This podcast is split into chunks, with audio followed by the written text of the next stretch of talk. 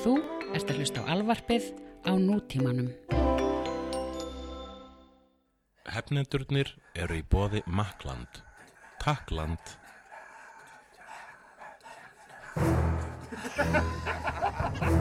Ég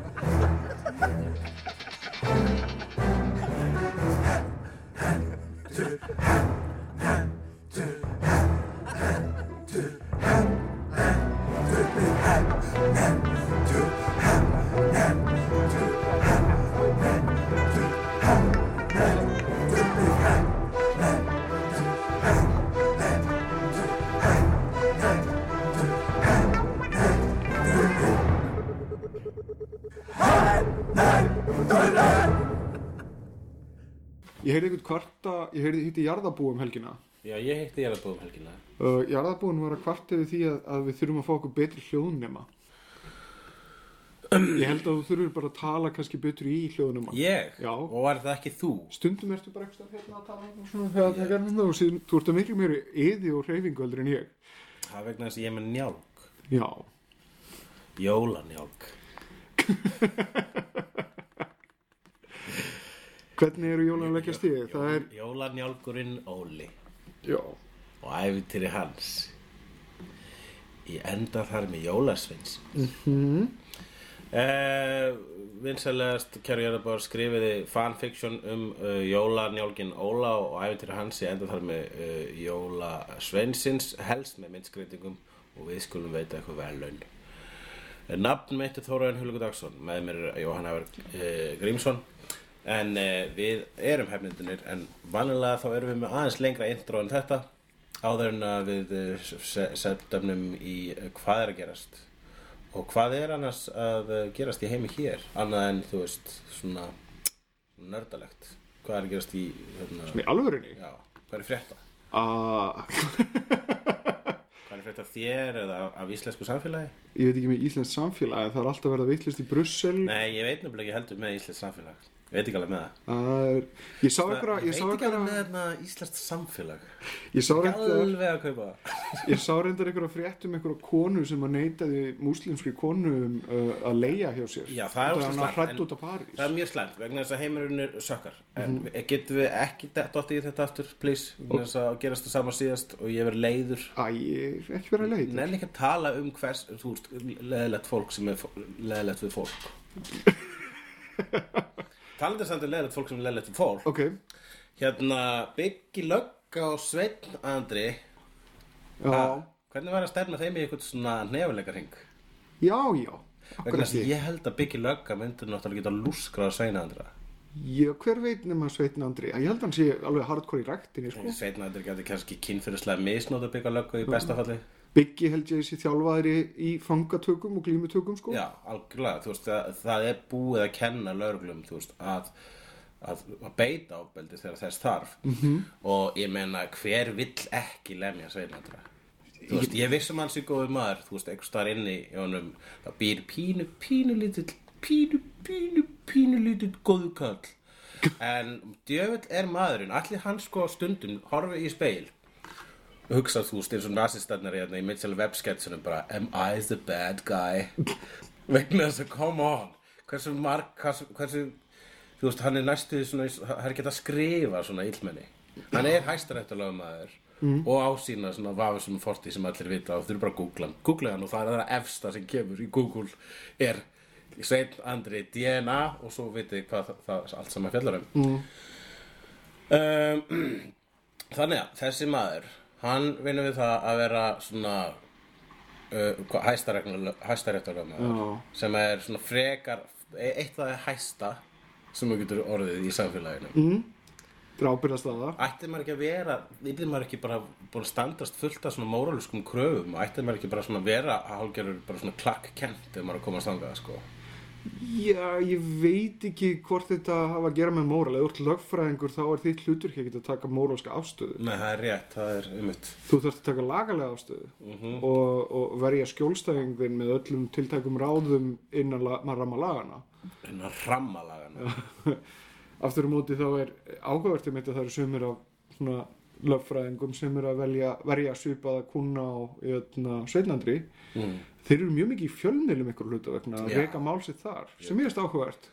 Ég veit að bara, "Ah, ég ætla að verja ósla margar nöðgara þá kennst ég í blöðin að vera byrjum svona celeb Hei, þarna er nöðgaralegu maðurinn, tölum við hann. Ég meina óháð, óháð því hvað fólk ætla sér þá, er, þá finnst mér mjög skringilega ákvörðin að vera reyka málstað umbjóðanda sinna fyrir, fyrir í, í einhvernum domstóli eh, almennings á síðan dagblæðara, mér finnst það mjög skrítið sem er eitthvað sem að Sveitlandir gerði já það hefur gæst, já Já, ok Allavega, allir hann, allir hann e, e, horfir stundum í speil og hugsa bara er ég vondur maður? Eða er hann bara svona straight up Patrick Bateman? ég bara ætla ekki að dæma hann sveinandra út frá gjörðum hans Nei, þá, þá ger ég það bara Við erum hefnundur og uh, hvað er að gerast? Hvað er að gerast? Já um, þú slóst mig alveg út af læginu með þessari byrjun. Hvað, hvað, hvað, okkur brennur þetta að þér? Nei, þetta bara poppaði upp í haustum á mér. Já, ok. Það var bara Facebook hérna fyrir fram mig og það var einhver, einhver, einhver mynd á honum. Já, og hérna Stork, já, þetta er allt saman. You can't write this shit, man. Uh, já nei, en ef við förum yfir í uh, svona léttara stöf. Hérna, það er ný leiðinni Já, það var það fjórða rittekmyndin er það, er það, er ekki, er ekki þriðja? Nei, er þetta er Riddick er, fyrsta Riddick-myndin Pitch Black. heitir Pitch Black. Svo kom Chronicles of Riddick sem Já. er hræðilegu titill vegna þess að það þýr sögur af Riddick. En kom ykkur þetta er bara ein þriðja? saga. Kom þriðja og hún heitir bara Riddick. Og ég er bara svona, æ, come on. Já, Alla, bara, farið bara tilbaka endur útgefa þetta á Blu-ray Chronicles látið of fyrstu Riddick, Riddick Látið, látið fyrstu myndina heita Riddick, tvípuntur, Já. Pitch Black. Mm -hmm. Látið aðra myndina heita Riddick, tvípuntur The Necro The, the Necromancer Menace. Eða hvað sem að hétu The Necromenace Hvað hétu vondu kallinir í Chronicles of Riddick The ég veit það ekki, Chronicles of uh, Riddick Það var nefnilega svolítið flott mynd alltaf, þú veist, hún var með fullt af göllum en hún var Mér finnst það svolítið svona óþægilega forgettable eitthvað. Já, hún var svolítið svo, þetta var fínasta svona, þetta var alveg, þetta game opera yfir meðalmennsku, sko. Já, Mér fannst það, það vera flott hönnun í henni, veist, cool þessir hérna, þessir necro, hvað til, F, necro, necromongers, já. frá plánutinu Necromongo. Uh, heldur, frá plánutinu Krematoria ef við ætlum að fara út í það það var, var heimurinn orðin miklu stærri þarna í þessari Chronicles of Riddick svo mynd hefði bara umfullega að heita Riddick 2. The Necromonger Menace The Necromonger eða Menace. Attack of the Necromongers og um, uh, eða Revenge of the Necromongers -hmm. eða The Necromongers Strike Back Ok, en uh, Og síðan þriðja myndin- þriðja myndin heitir bara Riddick en ég, ekkert, ég er ekki búin að segja hana þannig ég veit ekkert um hvað hann er en hún hefði þetta að heita Riddick 2. eitthvað ég vissi ekki að hún væri til. og hún, nefnilega, það, nei, ég, ég vissi að hún væri til Ég bara, ha? Ok. En allavega hann er búin að græða svo mikið pening fyrir hérna, stúdíóin með Fast and the Furious. Hann ætlar að gera fullt af einhverju spin-offum og dóti fyrir það og spin-off af Já, þetta er að fara að verða svona, veist, Fast and the Furious heimurinn er að fara að verða svona eins og Star Wars, svona risa stór, stórt saga eitthvað. þetta er, það er svo skrítið það er einhvern veginn bara svona bóa á bílum Þetta eru bóra bílum. bóar á bílum 2 bóar á bílum 2,5 Já. Ég, ég veit ekki, ég veit ekki meira, en, en hann allavega, þetta er, er passion project fyrir hann, hann elskar Riddick og rýmar um mitt við þessa uh, auka ástriða sem er að roleplaya. Já, nei, ég er mjög hrifin af Riddick sem slíkum Mhm. Ég hef alltaf hatt gaman á hannum Já. En, uh, höldum áfram fréttir, Mhm. hérna Rob Schneider, Ah, sá mæta maður já, uh, Sveitin Andri Hollywoods, að, Sveinn Andri, come on Hann er ekki Sveinn Andri Hollywood ok, það er kannski ljótt að segja. Já, sko, já Nei, bara ég man eftir þegar hann kominga, hann var voðalega eitthvað sveittur að sjá. Já, en Sveinn, þú veist, Rob Schneider er bara svona semi-lame grínisti. Það er svona hubbir höfuð og herðar yfir hérna, undir lögaldri ríðandi hæstarættarlögmanni. Myndur ekki að segja það? Já. Ég myndi aldrei setja þá tvo á sömu hillu nema hvað Rob Snyder er með sitcom í þróun hjá Netflix. Mm sem hann fjallar um Rob Snyder þannig að þetta verður svona eitthvað í ætt við Louis og Master of None með Aziz Ansari. Já, það var ekki, þú veist, ég meina flest allt sem er komið frá Rob Snyder er mm gladadrasl. However, hann fær alltaf virðingu frá mér fyrir að vera einna fáu leikur Hollywood celebrities sem tjáir sig upphátt um ósköpinn í Palestínu. já, Og þannig, fari, þannig að uh, maður veit að hann er með hjartað á réttum stað. já, já ég, Ólíkt uh, Patrick Bateman. já Patrick Bateman er ekki með rétt að hægt áreitum stað en já, sitcom í þróun hjá Netflix. Snyder, Gott, ég held að þetta getur orðið áhugavert Já, já, ég örugglega aldrei horfa það. uh, ég á eftir að horfa á það ég, ég á ekki Hey. eftir að geta látið þetta kjört ég held að þetta sé mjög áhugavert sjóðsetni allar á fyrstu tvo þættina Já, um, en þetta verður á Netflix þannig að þetta kemur einhver tíman eftir eitt eða tvö ár já, Netflix, ok. Já. Um, síðan er Robert Rodriguez hann var réttið þess að klára bíómynd Já, með, með honum uh, Malkovich Já. Malkovich I'm stronger I'm faster I'm Malkovich Já uh, Hvað þetta var fyrir eitthvað konjak eitthvað. Þá, þá gerðu þið bara eitt stykki bíómynd sem verður sett í geimslu, eitthvað bankahólf og það verður ekki opnað fyrir undir 100 ár. Þannig að 2115 geta afkomundur okkar eða Mér hefði þótt vænt um það hefði bara ekkert látið vita af því að þeir hefði gert þetta. Mm. og bara svona ég á svolítið sem þú mátt aldrei sjá. Ok, ekki segja mig þá frá því. Já, þe- þetta er reyndar auglýsing þetta er reyndar markastæmi sko. Já, þannig að það er tilgangunum með þessu er að láta vita þessu. Ég veit það en en undarlegt þykir mér þetta en þetta er svona kannski alveg, þetta er alveg svona virk, virkar alveg sem svona conceptual það er alveg spennandi sem conceptual verk myndin sem enginn má sjá.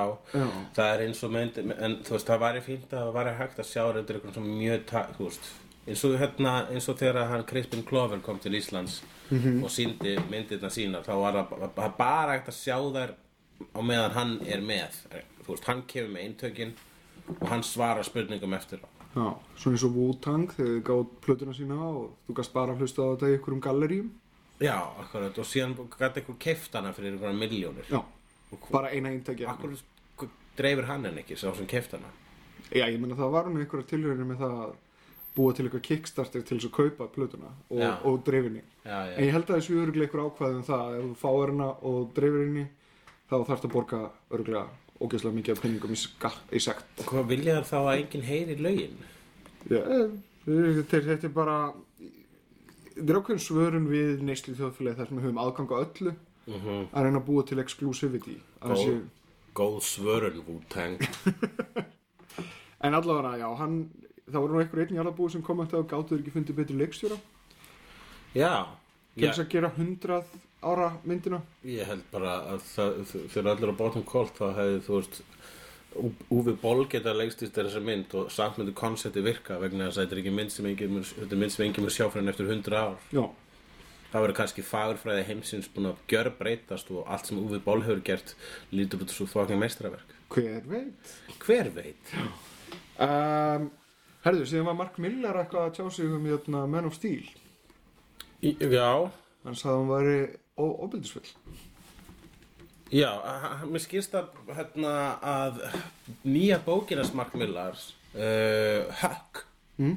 sem að hann er strax búinn að láta Twitter vita og, og, og, og, hasta, og, hérna, og krækti í Channing Tatum á Twitter þar sem hann sagði að ég vil að Channing Tatum leiki Huck. Ok, Huck er um svona ein, rosalega góðan svona einfeldning sem býr í smábæ eitthvað staðar í bandaríkjunum mm. og er með ofurkrafta og hann gerir eitt góð verk á dag hvort sem það er að bjarga fólki úr brennandi húsi eða kettlingi niður úr tré þá er hann bara svona verndar engil þess bæjar já, og ég skilst að bókin fjalla um það að fólkið í bænum er alltaf að reyna að koma í veg fyrir að umheimurinn viti af hann um Já. Vegna þess að annars mun hann vera dregin einhvers staðar til Metropolis og látin vera m- m- hérna, mörg góðverka dag þar og mikil pressa á hann að þeir vilja ekki skemma hann högg greið -hmm. en, en að búa til þennan sko þannan góð, þessa góðu ofurhetju þessa, þessa good old American apple pie dæmið. Svona einfeldning Já, hann er í svona smekkbuksun ef, ef ég maður rétt því ég séði myndirna á honum. Svona eins og Huckleberry Finn. Já, ég veit ekki hversu mjög einfeldningur hann er en hann er hins vegar svona svona uh, na- nánast næf ok, og uh, það er svo bókavist að vera svar við Man of já, vegna þess að ok, hann er, er svo að sér hann að búa til eitthvað jafnvægi. Þið fóru með hérna, Superman á of dark stað. Þá ætla ég að fara með Superman á aftur svona hann góða stað. Já og það, þannig varð högg til. Mér finnst þetta alveg ótrúlega fyndið að Mark Millar sem að gerði Kickass sem að hefur nú gert sumar af ofbeldisfullustu sögum sem maður hefur séð hvartar hann að því að, að, að Man of Steel sé of- ofbeldisfull. Það er alveg ótrúlega fyndið. Ég er bara það veltist um að hlátra þetta er svo drepfyndið. Oh, come on. Þetta er komið. Geðvegt fyndið. Jú, en ég meina jú, komist vissulega Eh, það, það er, það er tiltölulega komist myndi ég frekar nota væri orði, orða, orðalagi sem ég myndi nota. Einmitt. en ótrúlega fyndið. Bara passa íkjörnar okkar. Nota orðin. Okkar ekki, þetta var mín íkja já, ok, míníkja íníkja, míníkja uh, já, nei, vissulega ég ætla ekki að vera svona leðilegur ég var bara að vera kvikindi. Hérna uh, það, já það er svolítið fyndið vegna að hann hefur uh, mjög mikið einbeitt sér á ofbeldi en er ekki raunin svo kæri herra að þeir sem eru klárastir í að skrifa ofbeldi eru gjarnan klárastir að skrifa því gagstæða líka? Jú, jú, jú. Og þetta er eitthvað sem hefur verið varfið til dæmis í myndum eins og uh, myndunum af John Woo þar sem að uh, það er fullar af þessum ofbeldi, rosalega ofbeldi. M- bara byssukúlur fljúa oftar og hraðar, eða reyndar hægar uh, í John Woo myndunum vegna er alltaf slow motion.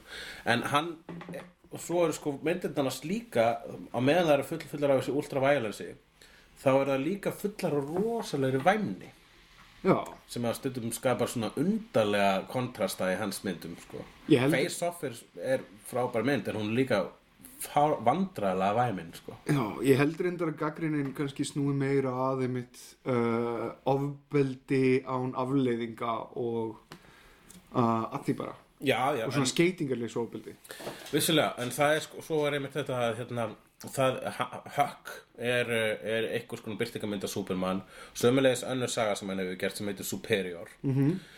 þannig að hans vangaveltur um Superman, þær eru uh, hann hefur alltaf það er ekkit nýtt að þær skildu uh, fara í áttina að hvað á, að, að, hvað á Superman vera. Hans vangaveltur eru gerðan einmitt sko að hér er maður með hreina sál, hér er góðmenni. Góðmenni með ofurkrafta og nýtir og er með mikla ábyrðis, ábyrðistilfinningu eða ábyrða tilfinningu Tjöld spettur uh, Mark Millar nefnilega, eitt af fyrstu sögunum sem hann skrifaði sem myndasöguhöfundur voru hérna uh, myndasögur fyr, fyrir hérna animated Superman. Þannig að hann skrifaði barnasögur um Superman. Já. sem ég panta Amazon er búin að lesa. Ok. og fyrirtakstöð þannig að sko, ef maður fer yfir fyrir hennast Mark Millers, þá er það ekki bara blóðpollar sko, það, það er líka það er líka hérna uh, candyfloss ski sem að var það eina sem er dætt í hug sem andstæða með blóðpolla en Hvað hitt aftur þessi dásamlega saga sem, sem við lásum báðið frekar nýlega hana, Jupiter, ekki Jupiters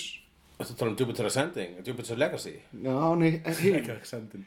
Uh, Ertu að tala um hérna Star uh, Já, ekki Star Lord. Nei, gæjan hérna gömlu ofurhetjuna uh, uh, gamla John Carter típuna.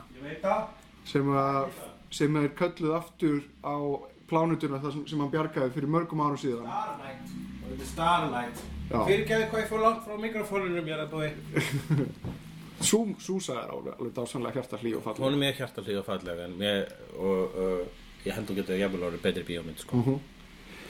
um, Hérna Kenneth Branagh er að fara að leikstýra og leika aða hlutverkið í Murder on the Orient Express. Ok, ég, uh, hún er miklu uppáhaldi hjá mér allavega sko svo Agatha Christie saga sem að ég held hvað mest upp á ef ekki eina Agatha Christie saga sem ég held upp á vegna þess að ég get ekki sagt því sem fan en ég heldur ekki heitir. Já, þetta er bara svo briljant koncept Einu Mjög- lest, já. mórmál og síðan við sem vitum hver er morðingin það er, það er, það er líka er það pínu briljant konsept Já, Þetta er Hercule Poirot sem er upp sem að mér finnst skemmtilegast Agatha Christie Já, kallinn. það er loksins komið mitt leif á það að gera vegna þess að hann David Suchet er búinn að vera að leika hérna belgiska uh, spæjaran Já, síðan hvað, höfður voru 20 og eitthvað ár? Já, hann var með hann í sjóarpið þarna. Já, og hann var núna loksins að, að leggja uh, litla belgiska yfirvararskeggið á hilluna og, jötna, og gaf, já, bara leikið síðustu þáttunum, Já síðustu, síðustu málunum hans. Ok, er hann að var, hvenær var síðasti þáttur með honum gerðu? Bara nýlega? Já, bara annarkvort í byrjun árs eða, eða í lok síðastars. Ég skil Jú, uh, hann er að uh, Brana ætlar að taka Poirot Já, Poirot vissur það að Agatha Christie hataði Hercule Poirot? Akkur hættu hann Bara þóldi hann ekki sem karakter. Akkur var hann þá að skrifa hann Ég held að ég hef bara enga haldbara skýring á því hvers vegna. Akkur, Hefur þú eitthvað um skrifa karakter sem þú hattar? Já, Ok, hvern? ég, Viltu ekki segja það? sko, ég, Maður segja það, það er cool já, ok, Georg, ég hata hann. Já, hattar hann bara þú Sem manneskju. Það sem hann er Já, Já, en ég elska að skrifa fyrir hann. Já hann var ekki meira að, Agatha hata bara þóldi hann ekki. Hann, hann Jó, en, en við fannst hann bara pínu. En Já, ég meina... fíla sko hvað Poirot er sko svona hér koma gert sko allavega eins og Albert Finney lekan í gamli Orient Express. Mhm. það var opaslega skemmtilegt aðtrið þar sem hann vaknar um miðjan nótt vegna þess að líklega vegna þess að búið að drepa eitthvað. Og, og þá er hann með sko svona yfirvara skegg svona net Já. yfir andlitinu Nákvæmlega. hann passar upp að það haldist uh, í, í réttu formi á meðan það sefur Já, málega er nefnilega hún, Agatha Christie var eiginlega bara svona höfundavél.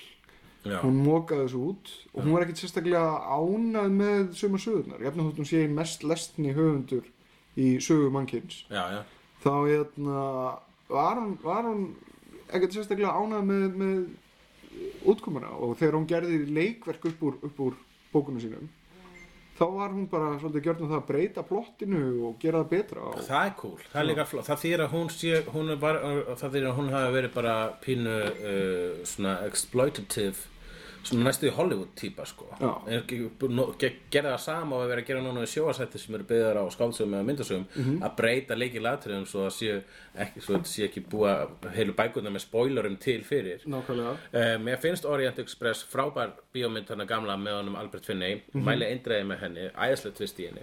En manst þú þegar Agatha Christie hitti Doctor Who? Nei, Jú, það var það Tennant. Þegar Tennant leikan rétt, rétt, rétt, rétt, þá fór hann með ásandu hvort það var, ég man ekki hver var kompanjónið, það var annarkvort uh, Donna eða Martha.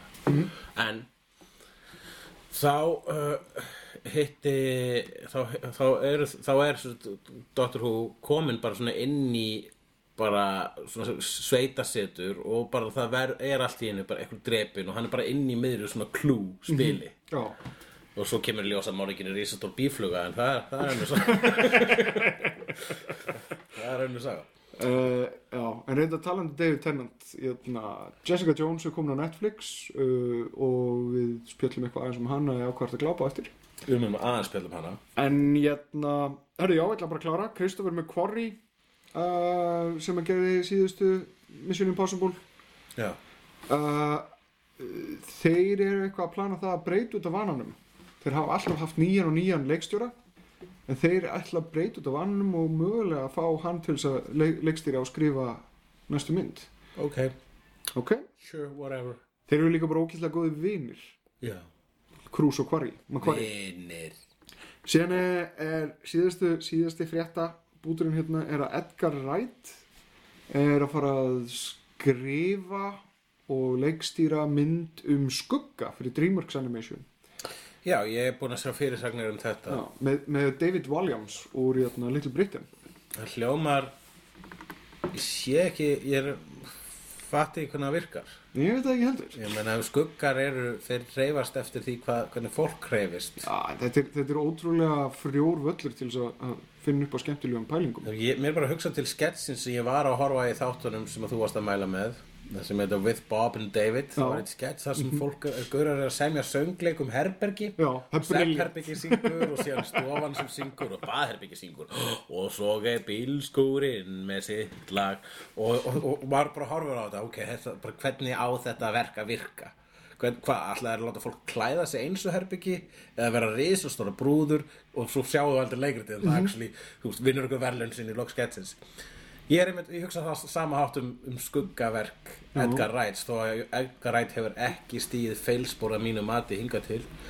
Uh, þá er ég bara En ég meina, hugsaðum, hugsaðum Pétur Pan og skuggan Það er hans allir karakterina þá bara svona skugg, svona dökkir skuggar bara svona svartir blettir. Eins og ég segi, hugsaðum Pétur Pan. Skuggin hans liði sjálfstæðu lífi. Þannig að þetta erum bara sjálfstæði skugga Já, þeir, ég veit ekki, ég, það er það sem ég myndi mér. Ég ég að, ég held að það sé alls konar sem býr í skuggunum, þessari, þessum skort og ljósi, það er bara, það er hægt að búa til mjög fallega fantasíur um það og það, mér finnst alveg briljant að hann sé, þú, þú segir það, en Já. dettur einhverja í hug já, kannski ekki alveg í augnablikinu, en ég geti alveg sest niður og skrifa eitthvað sniðut um skugga. Ég get, séð strax, ég get að þetta sé fyrir mig mjög flotta visuala mm. og ef þetta fjallar um skugga sem eru að flýja frá eiganda sínum eða whatever Já, þá, þá sé ég hvernig það myndi virka þetta, ég, ég hlakka til.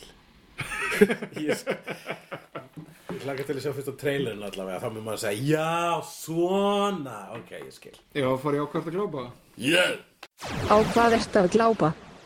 Herri, ég tók helgina í að bingja Jessica Jones, horfði á hana alveg frá aðtöðu. og núna ætla ég að láta þig vita að þú getur ekki talað um fleiri en tvo þætti við mig.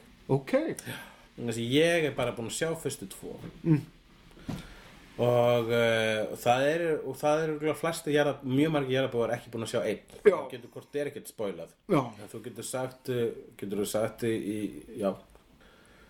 Prófa að tala um það. Uh, mér finnst Jessica Jones frábær. Mér finnst Kristín Ritter standa sig frábærlega.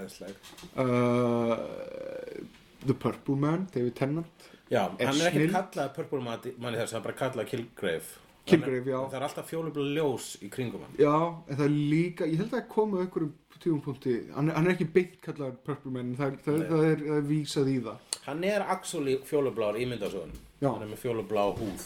Já, uh, og er einn, einn af þeir karakterir sem að þegar hann byrtist í Marvel heiminum þá maður bara svona, úff. Þá rennur manni kalt vatn myndi skins og hörund þess að þú veist í heimi það sem að Dr. Doomar og, og, og Venomar og Ultronar búa þá er þessi samt mest creepy gaurinn sko. En þeir spila mjög glæsilega með þetta og þetta er, þú veist uh, þetta er mjög kvenlæg seria vegna þess að það, er, eru, það eru konur í flestum líkil rullum sko.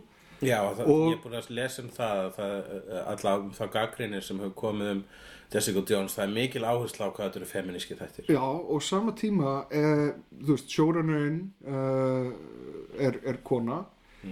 En líka Kilgrave vegna þess að hann hann, hann, hann, hann Kilgrave- sviftir því vilja því Já, já, hann er bara, hans, hans uh, hann er holdgerfingur nöðgunarinnar Já, nákvæmlega, nákvæmlega. Þetta er nauðgunar allegóría. nöðgunar menning, sko. Já, sem að gera hann ekstra spooky og creepy og relevant sem mm kall þannig að trigger warning líka. Uh, en þetta er alveg brútal flottir þættir. Það er, þú veist, ég hefði reyndar ef ég hefði fengið að ráða það er komið svona tveir, þrý þættir þar sem að vera að spóla. Mm. uh, svona filler þættir. Þannig að ég, ég hefði viljað læk Það er fækka þessi þeim umtala niður í Netflix frásögn það sem að, hérna, það sem að f- ef að fólk hefur gerðan kvarta yfir því að, að uh, það er öðruvísi skriðþungi í þessu Netflix þáttum vegna þess að koma allir í einu Mhm. og sagan fær miklu meira anda. Mér, þetta, sumir sögðu þetta verið mínu sem Daredevil sína, síðu seríuna en mér finnst þetta að vera kostu sko, í öll þáttaröðun er ein stór saga en á sama tíma þá er alltaf eitthvað sjálfstætt í hvernig þætti. Ég, ég, ég ætla ekki að kvarta um það því en aftur á móti þá eru, þá eru svona auka hlýðasögur og svona filler efni.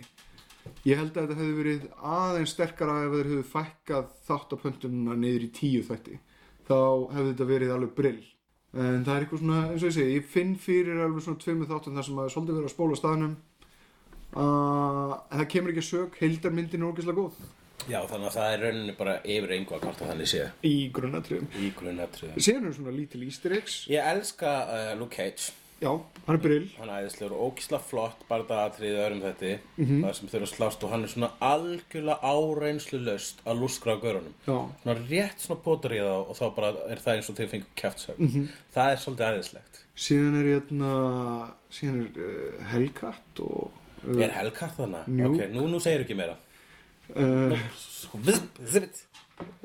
og það er smá Night Nurse crossover en hérna en ég meina þú veist, ég, ég, er, ekki, ég er ekki að spoila neinu En ég skal segja hversuna ég er ekki búin að horfa á þetta allt saman Það er, hún svo að uh, ég- þú veist, að ég var uh, að hanga með vinkonum minni Söður Barilli í gær og og, uh,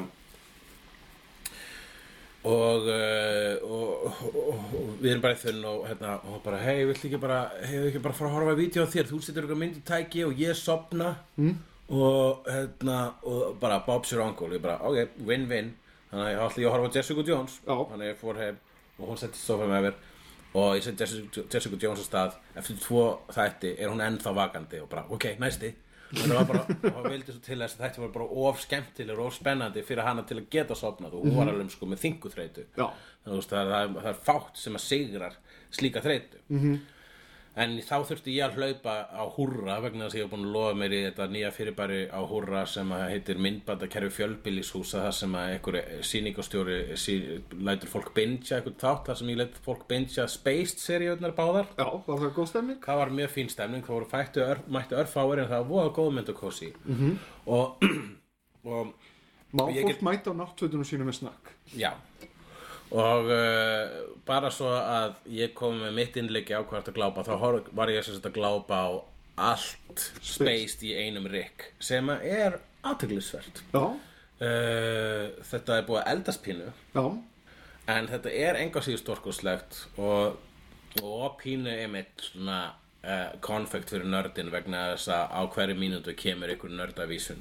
En aðalega er það hérna, Edgar Wright húmorinn og Edgar Wright þú veist, frásögnin sem að frásagnar tæknin frásögnar tæknin Þetta er líka Simon Pegg og hérna, hvað heitir hún Jessica? Jessica Stevenson. Já, þau skrifa þetta en Edgar Wright legstir þessu og þetta er bara stórkoslegt og ef þið hafi ekki sér space þá hafðu þið tækifæri núna um helgina en annars þá skulle þið bara na- hérna, kaupa það á DFT vegna þess að ég held að sé ekki að þetta streama þessu neistæðar eða, eða downloada þessu löglega. Já, However og síðan þegar ég var búinn þá, var sko, hún Sandra var þarna líka eitthvað að horfa á endan á því. Og þá var ég bara svona, já, bless Sandra. Nú ætlum ég að fara heima og glápa á restina á um, Jessica Jones. Og hún bara, nei þú gerir það ekki án mín. Býttu bara næst þegar ég er laus þá höldum við áfram að horfa og ég er bara svona, "Ah, þetta er ástæðan ég er ekki í sambandi. Mm. er svo ég geti actually hort á þættið og þurfi ekki að býða eftir Ég Þannig tók, núna er, núna er ég komið eitthvað Jessica Jones kærustu. Sem er þetta alltaf bara þrjá ára Jessica Jones. Þannig að hún er að koma eitthvað eftir og ég ætla að helst að reyna að klára þetta allt í kvöld. Þetta eru samt alveg um, já, 13, 12, 13 klukkutímar. Já þannig eru sko Tí, Þetta eru klukkutímar langur Hvað þetta er margir 55 þættir? mínútur og þeir eru 12 eða 13 minni mig. Já, ok, já, Þannig klára að þið er 10 klukkutíma eftir já, já, Ég þurfti að taka þetta í tveimur holum sko. Já. Og það voru bara andtókunætur Nei, nei, ég, ég tók, maður tók nú ekki Daredevil í einu holum, maður tók hann svona tveimur, þreimur holum En það er ógeðslega þægileg tilfinningið mitt þegar þú ert búin að klára fyrsta hollið og bara, ó, ég get ekki horta meira en mér langar að horfa meira að gera sér grein fyrir því að það er bara alveg jafn mikið eftir Það er bara, þetta er sama sem við sögum þegar við horfum að Daredevil, það er bara úslega merkilegt að það sé til þessi blæbrigði, þessi, þessi svona mismöndi blæbrigði í Marvel heiminum. Mér finnst það svo rosalega vel og rétt spilað. Mhm. -hmm. Þeir eru með, sko, myndirna þeirra eru flestar svolítið keimlíkar. Já. Og ég væri til í að fara að sjá eina mynd, Marvel mynd sem er öðruvísin hinar. Það eru allar frekar líkar, þú veist. ef, ef þú Winter eina þá Soldier var náttúrulega ákveðin svona Winter Soldier fór í hérna, leit út eins og aðra myndir og svolítið, jú, hún sker sig aðeins úr en samt meira svolítið, þú veist, það eru allar svolítið, er, ef þú fílar eina Marvel mynd þá myndu líklega fíla þar allar eitthvað mm sko.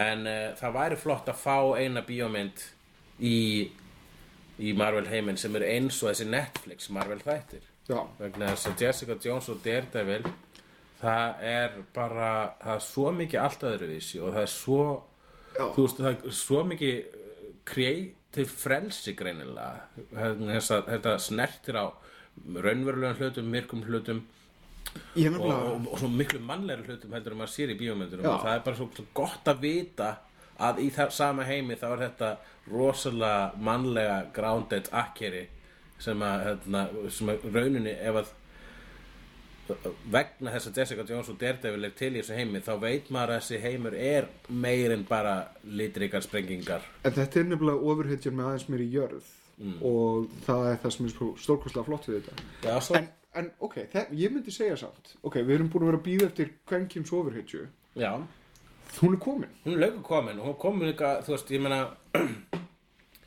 við erum, sko, ok Peggy Carter er ekki ofurhetja en hún er Marvel karakter sem fekk sína einn þáttaröð svo að fyrirtags þáttaröð Já, frábær. þannig að þetta er ekki einu svona fyrsta sjóastáttaröðin um hérna, kvenhetju frá Marvel þannig að Marvel er allavega hérna, með tærnar hérna, framar heldur en uh, DC hvað þetta varar Já, Sjónvars Marvel er líka með tærnar framar heldur en kvikmynda Marvel.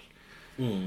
En eitt reyndar í mitt, ég get ekki beðið eftir núna að sjá Luke Cage og Iron Fist og síðan The Defenders. ég er, er, er, er ekki búið að vera sá rúmur í gangi til að sleppa Iron Fist Nei, nei, nei, það, þeir eru alveg búin að, oh. oh, dammit hvað? Langar ekkert í Iron Fist Who cares about Iron Fist? Ég bara, ég forvitur að vita hvað er alltaf að gera með þetta. Ég hef bara aldrei, mér finnst það ekkert merkilegu karakter Pældu líka í því að það er alveg mökk uh, fyllt af, af vísunum í, hérna, í þessa reglu þarna sem að Iron Fist er hluti af.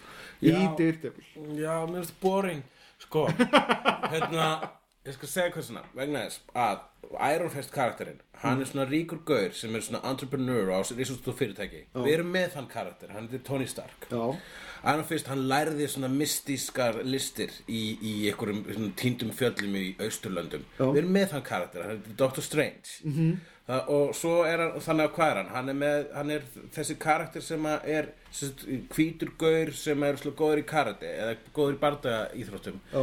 Ég hef leiður á þeim karakter, við vorum með þættina Kung Fu þarna með karatín við vorum með þættina eitthvað, þú séum myndir svo American Ninja eða The Last Samurai, það er svo ógeðslega oft þetta leiðilega klísja um að hvítir eru betri í að vera asískir heldur en asískir. Já, ok, en sorry með Getur mig. við ekki það bara látið frekar annan karakter úr Marvel heiminum sem heitir einfallega Master of Kung Fu og er uh, austurlensku karakter byggður á Bruce Lee okkur getur hann ekki bara komið? Þá erum við líka komið nýja asíska dæmi fyrst að þessi, þessi, þessi Marvel er svona mikið reveling in its own diversity. Hvers vegna fara ekki þá leið? Við vitum ekkert, við vitum ekkert hvort það er farið þá leið. Hver veit nefn að Iron Fist verði actually asískur? það væri þó eitthvað. Mér finnst þetta það alveg frábært. en einhver sér, samt En bara- Luke Cage er næstur, hvernig sem að það litið. ég er bara sáttið við Daredevil, Jessica og Luke Cage ég þarf ekki Það sem við erum að fá á næsta ári er líklega annað sísón af Daredevil og annað sísón af Jessica og Luke Cage. já Þannig að við erum að fara að fá veistlu. klakk til þess að Luke Cage Já. já Ákvarðalösa. Á hvað er að lesa? Herra Ég kláraði Bates Planet fyrstu bókina Já. Ógeðslega skemmtileg Ok. Ógeðslega skemmtileg stöf uh, Fanga þessu þetta er Orange is the New Black meets uh, V for Vendetta meets uh, Hunger Games Ok. og já, ég, meina, ég var talað eins um þetta í síðasta þætti en ég bara, hérna, þá var ég bara búin að lýsa fyrir tvo kapluna en núna er þetta bara svona oh, þetta er svona bók þar sem getur ekki beðið eftir næstu bók svo ég bara með Saga og Sex Criminals Ok. en, og, og hérna við erum búin að vera mjög feminískir í þessum þætti þannig að ég ætla aðeins að koma með smá hérna, uh, jafnvægi. Já. kom með mestu douchebag myndasögu sem ég nokkuð tíma lesið. Uh, hún er eftir mann sem heitir Benjamin Marra mm. og heitir Terror Assaulter 2.0 Omvot og Omvot stendur fyrir One Man War on Terror. Þetta er uh, listamaður sem að held ég sé svo svona New York Brooklyn listamaður. Og þetta er uh, ironically léleg myndasaga. Hún er viljandi léleg. Já. og, er fyrir vikið alveg gjössamlega stórkostleg. Þetta er eins og nútíma Fletcher Hanks með ekstra mikið á ofbeldi og klámi. Fletcher Hanks, mannst eftir honum sem gerði hérna Starlight og hérna uh, hann, hann, hann var kallað svona Ed Wood myndasagnana Ok.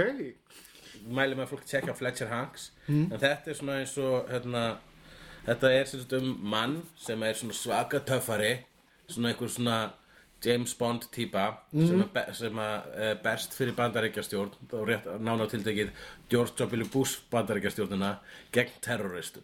Það er á forsíðunni er mynd af manni í jakkafötum með sólglerugu Og sígarettu. og sígarettu sem hann hefur vantilega verið að fela inn í skáp með sígarettuna, Já, já, kveikta já. Hann er að nota uh, samuræðisverð. Sprettur úr skápnum með samaræðisverð til þess að höggva hausinn af einhvers konar ofurskurki. Með keðjusög. Sem lítur út eins og kónan. Já, sem heldur á byssu sem hann er að skjóta og er keðisu líka.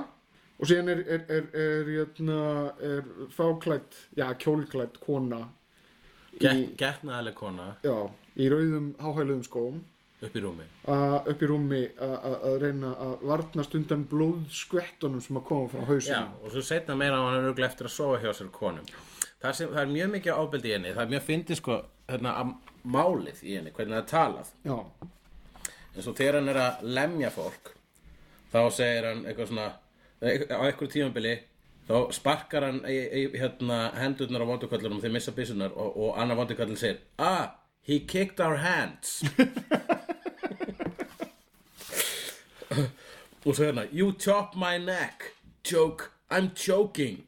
Þannig að það er mjög oft svona lýsa kallandir það sem það er að gerast að menna að gerast. Já, Uh, og svo kemur hann oftast svona með svona, mjög oft með hann er með mjög skemmtilegan frasa og one-liner og catchphrase þessi, þessi gaur. Eins og okkur kona segir how was the meeting? Þá segir hann let's just say það er hans, það er hans catchphrase. Let's just say og svo segir hann alltaf eitthvað. Já, hún segir how was the meeting? Let's just say it was good. Og þessi bóku fulla svona ógeðslega leim línum. Og svo sko er hérna er hann búin að vera að lemja einhverja terroristöð með einhverju ultraafbeldi mm. svo fer hann heim með einhverju konu. Eitthvað would you like a drink? sure. Do you like the way I look? I'll, it took me hours to get ready take off your dress okay You want to see me and my underwear? Þetta er svona, eins og einhver va, mjög vanþróska úlingur hafi gert sögu, hafi gert, reynt að gera eins flotta James Bond ábyldu sögu til er. How's this? You like my body? Come here. Your mouth feels so good on my neck. Veitu, veitu. You're licking my breasts. Turn around. I'm going to pull your panties off. Your tongue feels good Núna er hann að sleikja á henni rassin -hmm. og, og, já, og, og, og, og hérna sköpin Yes Why did you stop? Oh, you're taking off your clothes You have a big penis þetta er umverulega já, Já, þetta, þetta er actually hérna uh -huh. It feels good when I put my mouth on it, right? Get on the bed Get on all fours I'm inside you. Oh yes. It feels good when you do it in me like this. Svo setna meir Þá stoppar hann sko Þetta Og svo stoppar hann hérna Hriðiverkamenn Um borðið flugvél. Já, og, uh, og, en, en afturendin á flugulinn springur þannig að hann neðist að nöðlenda flugulinni á meðan hann er að nöðlenda flugulinni þá hefur hann kynmög við sko flugþjón sem var þarna. Þá kemur Já. svona hardcore gay sex. Ok. Og hérna, þannig að hann er equal opportunity. Já. Á meðan hann er einmitt að hafa gay sex við flugþjónin þá segir hann yes, gay sex it in my ass. I'm still flying the plane segir hetjan okkar. Hann er sem sagt að s- að að sofa hjá flugþjónunum já, á meðan er að nöðlenda uh, Flugvél. flugvél sem vantar þú veist, Seinni, uh, aftan á. stélið á. Mjög, mjög glæsilega Þetta er eins badass og það gerist Þetta er stórkusli bók. You're coming at the same time as you crash land the plane segir flugþjóðnin með uh, getnaðlim í enda þar með ok, þetta er meira sem sko þetta er, þetta er, þetta er ekkit mælgli þetta er pornograf þetta er pornografik sko. Þetta er, það er ekkit verið, það er maður sér hérna innsetningar og, og meina og En það er svona, hlutföllin á ofbeldi og kynlífi eru tiltalega jöfn í þessari bók og uh, sem komment á uh, fyrringu uh, bandarisk skemmtana yðnar og sem og utanreikisra stefnu þá er þetta stórkuslega bók og ég mæli með henni uh, að fólk tekja á henni. Omvot, One Man on Terror.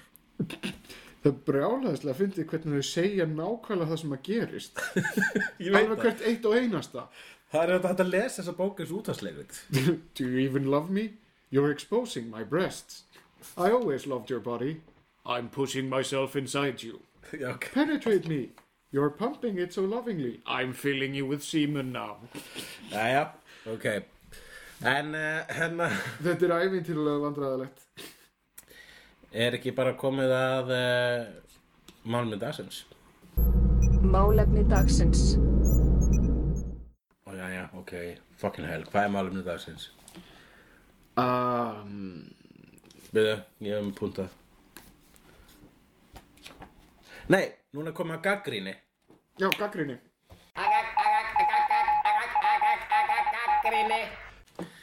Nú, um, þá er komið að því að við gaggrínum bækur eins og við gerum gjarnan fyrir jól. -hmm.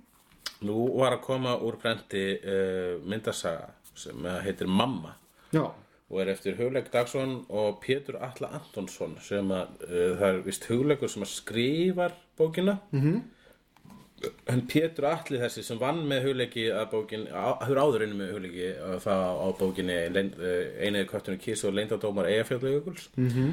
Hann uh, myndskreitir þessa bók ég skrifa ekki skrifa Það er, það, persónunar, það er bara sagt, sagt, eitt orð í þessum Já, já það, þessi bók er svo gott sem orðlaus. Uh, það var, skilst mér leiðin sem að Hullikur ákvaða að fara þegar hann hérna, vegna þess að það, það sem ég teki eftir með þessa, þessa uh, endir seríuna þetta er mm -hmm. fjólabókinni þeirri seríu það var mismunandi ævintir í hverju bók og allar eru um heimsendi.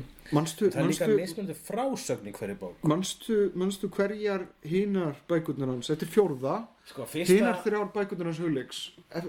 Þær, þær voru hvað? Hva, var ógæfa fyrst? Hver, hver var fyrst? Nei, Uh, opinberun var fyrst. Opinbjörnum var fyrst. og hann, hann myndskriði Hullikur sjálfur. Já, En uh, svo kom Ógæfa sem að Rán Flýring uh, myndskreiti -hmm. og, og svo var það ofan og neðan ef ég maður rétt sem að Lilja Hlín Pétursdóttir og Sigmundur Breiðfjörð uh, uh, myndskreitu já. Um, sem að uh, eru fylgja allar þessu þema Jó, að fjalla um endi, einhvers konar heimsendi? Einhvers konar heimsendir Já, Þessi tilviki er heimsendirinn af, af völdum Bars já, barn uh, veldur tortímingu heimsins -hmm. allavega tortímingu hinn, á þessara borga. En uh, fókusin er samt á ást uh, mó, móður barsins já, móður ástinni rauninni vegna þess að hér er sagt frá móður sem eignast þetta barn. Áður hann veit af er barnið byrjað að stefna umhverfi sínu í hættu. En alla tíman reynir móðurinn einhvern veginn að vera hjá barninu sínu vitandi að hún getur fátt gert til að stöðva það en hvað á móður annars að gera? -hmm. þetta, þessi bók snart mig. Og uh, vil ég meina að þetta sé falleg saga? Þetta er, já, ég hef reyndar lesið þessu sögu, mér finnst hún mjög falleg. hún er, uh, já, orðurlaus og það kannski, hérna, svona bústar, bústar fegurina upp og uh, það er uh, eitthvað, og svo hjálpar náttúrulega rosalega mikið er uh, myndskreitingar Péturs vegna þess að þær eru á heimsmæli hverðaði. Sveimir þá ef þetta er ekki best teiknaða myndasaga í sögu Íslands. Ég ætla að taka undir það, mér finnst- hann hafa staðið sér frábærlega, hann Pétur. Já. Þetta er bara beautiful. Ég- Alveg beautiful. í- hnótskutn er þetta stórkostlegt æventri Mhm. uh, um, uh, um, um tortimingu Mhm. og, og önnur ósköp en uh, alltaf stutt í ástina og hjartað fimm stjörnur Dauði, drama, eyðilegging, móðumjólk en líka ást. Hulsingar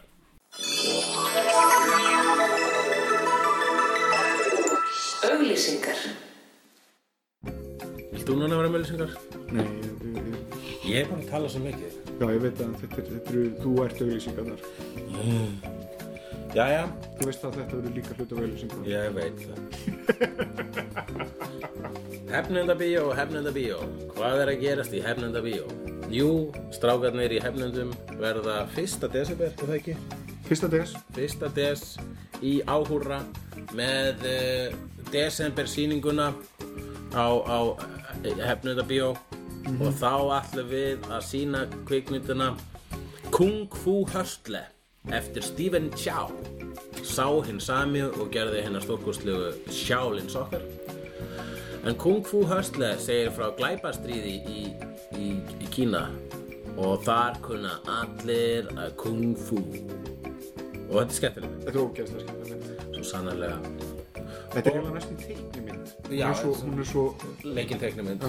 og hún er uh, ef þið hafið ekki síðan þá náttúrulega bara sjáum við ykkur á, á fyrsta des. Já, ef þið hafið séð hana þá langar ykkur örgulega að horfa á hann aftur. Þeir kalla hann Óðamax því hann er óður.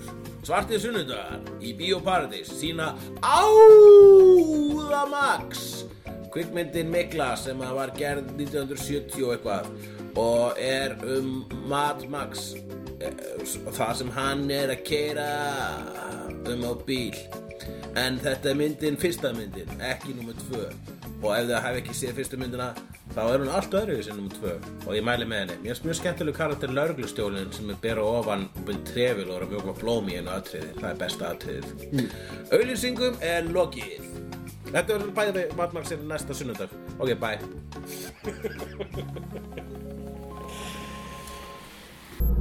Málefni dagsins.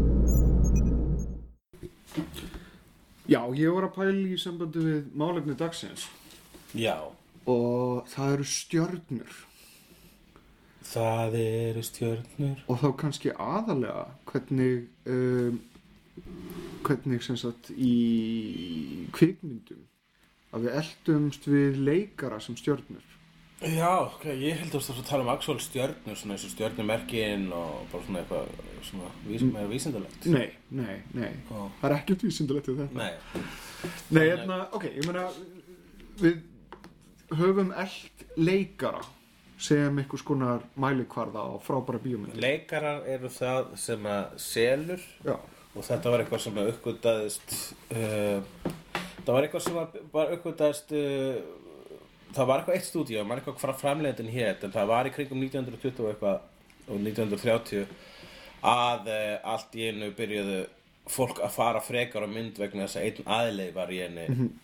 En það vegna þess að áhörundu bindast sko tilfinningaböndum við einmitt personunar já, og leikarana sem standa baku vegna þess að þeir eru andlit verkana einmitt. Þannig að þann, þannig var urðu menn eins og Charlie Chaplin Já, uh, að stórstjörnum Ég- og hann var líka oftast, Chaplin- oftast sami karakterinn já, en Charlie Chaplin bæði skrifaði og leikstýrið sem eigin myndum sko. Jú, jú. að það er nú allt annað já, það er nú allt annað En aftur á móti til dæmis Robert uh, De Niro eða Al Pacino mm. að við dyrkum það sem leikara sem er algjörlega verðskuldað vegna þess að þeir eru frábæri leikarar já, já, hver mann ekki eftir Meet the Fockers Já. stóð hann De Niro sem verið þar en smekkur þeirra á hvað er gott og hvað er ekki gott er ekkert endilega það sem skiptir máli. Það er leik, leikstjórin sem að, sem að uh, býr til samingi það er handritsöfundurinn sem skrifa söguna og, og orðin sem að leikarinn segir. En er það ekki líka nördin sem að fylgir frekar leikstjórunum eða handriðshöfundunum auðvitað. Það, ég man þegar maður var, þegar maður var byrjar að spá í kvikmyndu, þá byrjar maður alltaf bara að spá í því, já, byrju, það er einhver mismunandi mm Mhm. aðili sem að stjórnar þessu öllu saman. Hvað hefur þessi gert meira? já, Og þá hætti, þá var maður ekkert mikið að eldast við, sko ég man þegar maður er ekstra lítill, og þá Mhm. eldi maður, þá reyndi maður að finna myndið með Harrison Ford bara til að sjá meira eins og maður hefði séð Indiana Jones og, og Hvað Star Wars. hvað gerir Indiana Jones í kábóti Já, hvað gerir Indiana Jones þarna þegar hann búin að týna konunu sinni í París? já, hvað gerir hvað gerir Indiana Jones á Amisland Já, nákvæmlega Og, uh, já, en síðan allt í hennu fattaði maður Hei, þessi Spielberg, ei Mhm, Hann gerði þarna mynd um geimveru sem ég fílaði Og mynd um hákarl sem ég fílaði. Hvað fleiri hefur hann gert sem ég Já, fílaði? ég hef alltaf verið meira fylgjandi því að fylgja eftir hvað er, þú veist, uh, hérna, Alfred Hitchcock að gera, hvað, Það er, er einmitt eðli nörd hvað er Steven Spielberg að gera, Já. hvað er Martin Scorsese að gera. Það er segja sig Já, en, hérna, en eins og ég segi, það fyrir svolítið í töðanum með mitt að, að, að, Hollywood Það uh, er- það er margt í sig er mjög stýrt af einmitt leikurum, að stórleikararnir eru það sem að, það sem að uh, nær fjármagni og aðtegli. Það er þess að þangað Sko, fólk, fólk múgurinn segir Já, Það segir- leikari. það segir, ertu búin að sjá nýja Denzel myndina mm -hmm. það er búin sjá nýja Tom Cruise myndina stundum hef ég orðið veitna því þegar maður fyrir bíó og, og einhver segir, ætlum að veitna Tom Cruise? -hmm. og þá er bara þú ert að fara- þú ert að að sjá Tom Cruise. Og síðan erum við stundum með leikara. á síðan erum við með mitt svona one shot leikara sem eru frábærir í einhverju einni bíómynd en síðan drastl í öllum hinnum uh, en þá er það vegna þess að leikstjórin og handriðsöfundurinn og lýsingadeldin og búningar og allt þetta spila saman til þess að búa til eitthvað frábært. Já, en já, ég veit ekki, þetta er bara pæling. Já. Ertu með eitthvað einleik í þetta? Er, Nei, eða er þetta bara einfallega svolítið klift og skorið?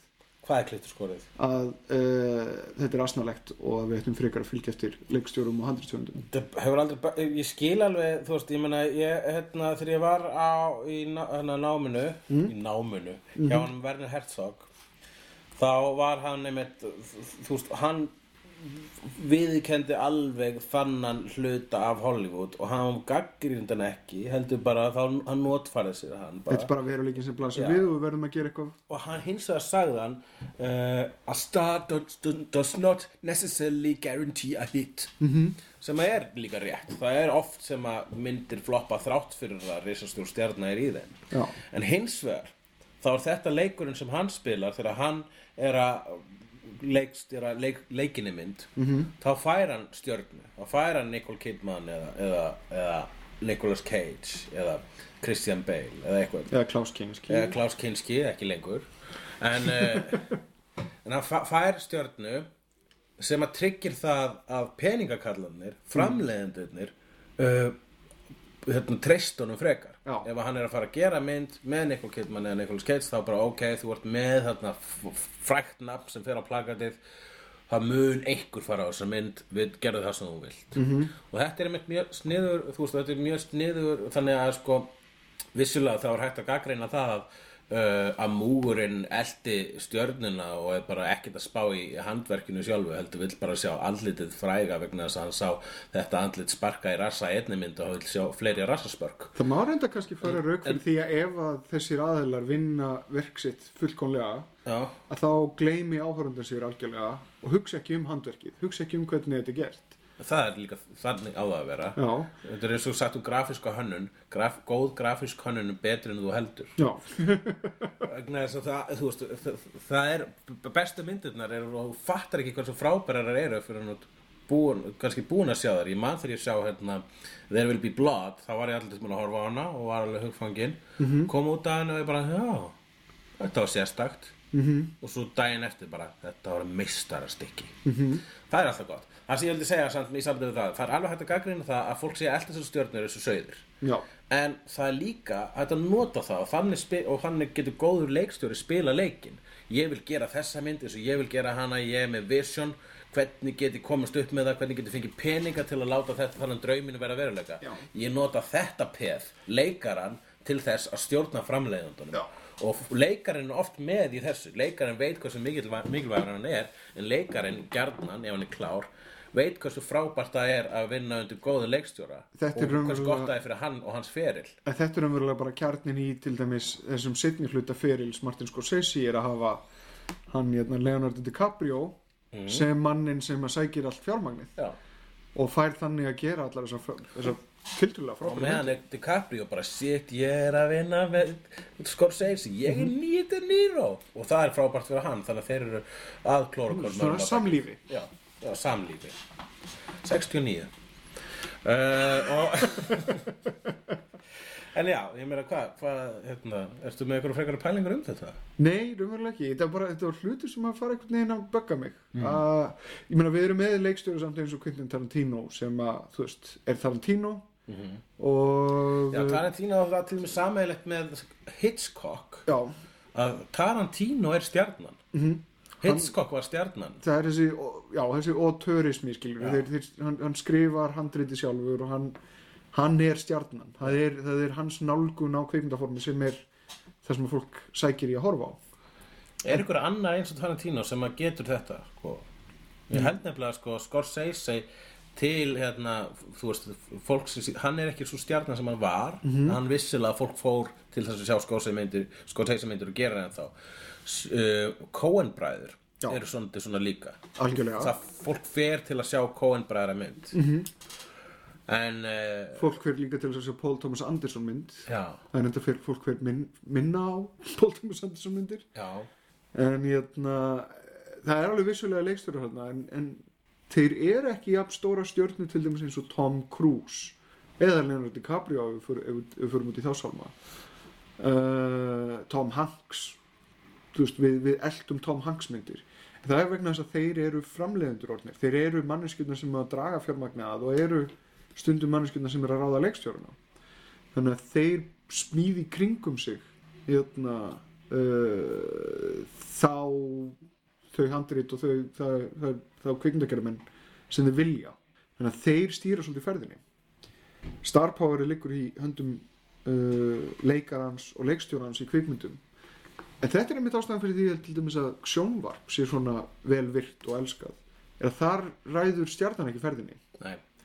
það er handritsöfundurinn uh, og höfundurinn Já, handriðshöfundurinn getur annars verið bílastæði verður hjá, í, í, í framleiðslu sumara kvikmynda vegna þess að það er litla virðingu við færan gerðnan mm. en í hérna, sjóarpi þá er svo mikið verið að reyða á það að fólk komi aftur í næstu viku og tjekki hvað gerist næst. Og þá er handriðshöfundurinn líkilatrið eða sjórænurinn og það er líka, sjóarp er samt líka gott fyrir suma stjörnun, sérstaklega svona haspin stjörnur vegna þess að þangað rata gjarnan þeir sem áttu, sáur, áttu sinn fífilfægri -hmm. og svo var tíðin nú í galanda að það þótti vera svona skref niður á við að fara yfir í sjóarp en núna er það bara núna er það ekki lengur niður á við ég myndi segja svona jöfnum grundvöldi ef eitthvað er.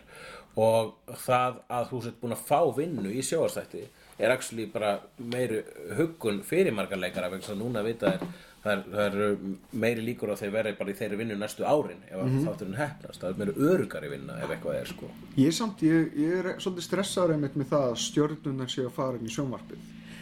En það, hversu mikið er að fara inn í sjóarpið? Ég, þær eru bara smátt og smátt Það að naka sér það er ennþá þetta haspin element þar sem stjörnun er einfallega bara þakklátt eins og Kífur Söðlund sé ekki bara ennþá að kissa jörðina sem að uh, uh, uh, 24 eru teknur upp á.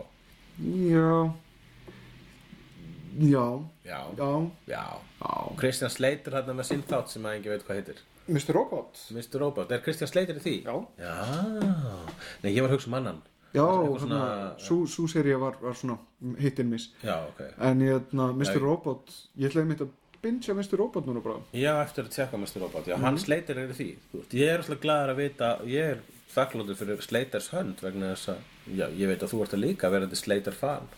Ég sleitari Já. En já. Sleit, Slate or die. Ef að fara í Later Slater.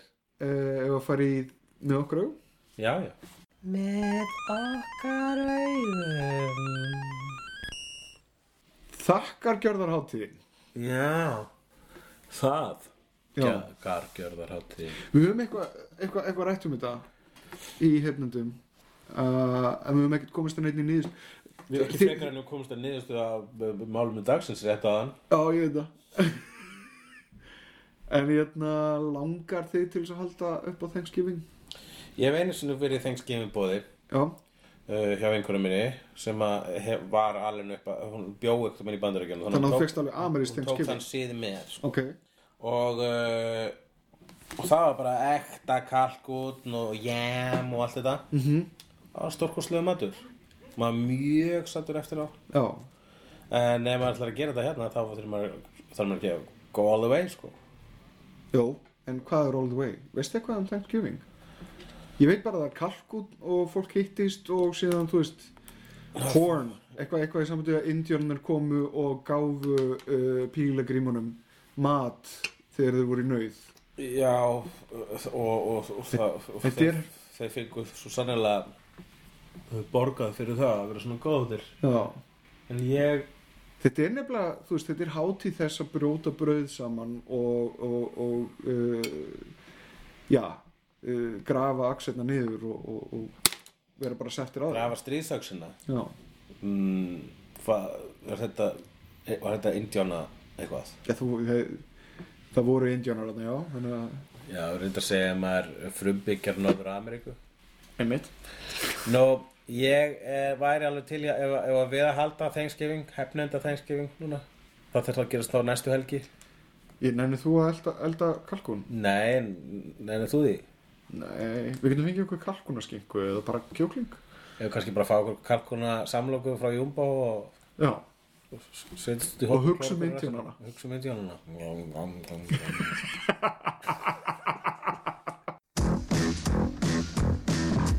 Ógnar fjör má alltaf sjá. Í Reykjavík Á landinu um loftin blá. Líka á sænum Hættur og háski Látur og gáski Hefnendur Reykjavík Hefnendur Í ævintýrum lennast þess Hefnendur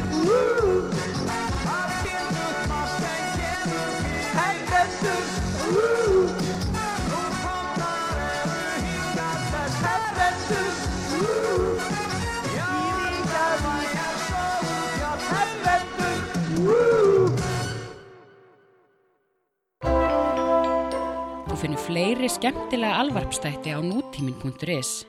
Takk fyrir að hlusta.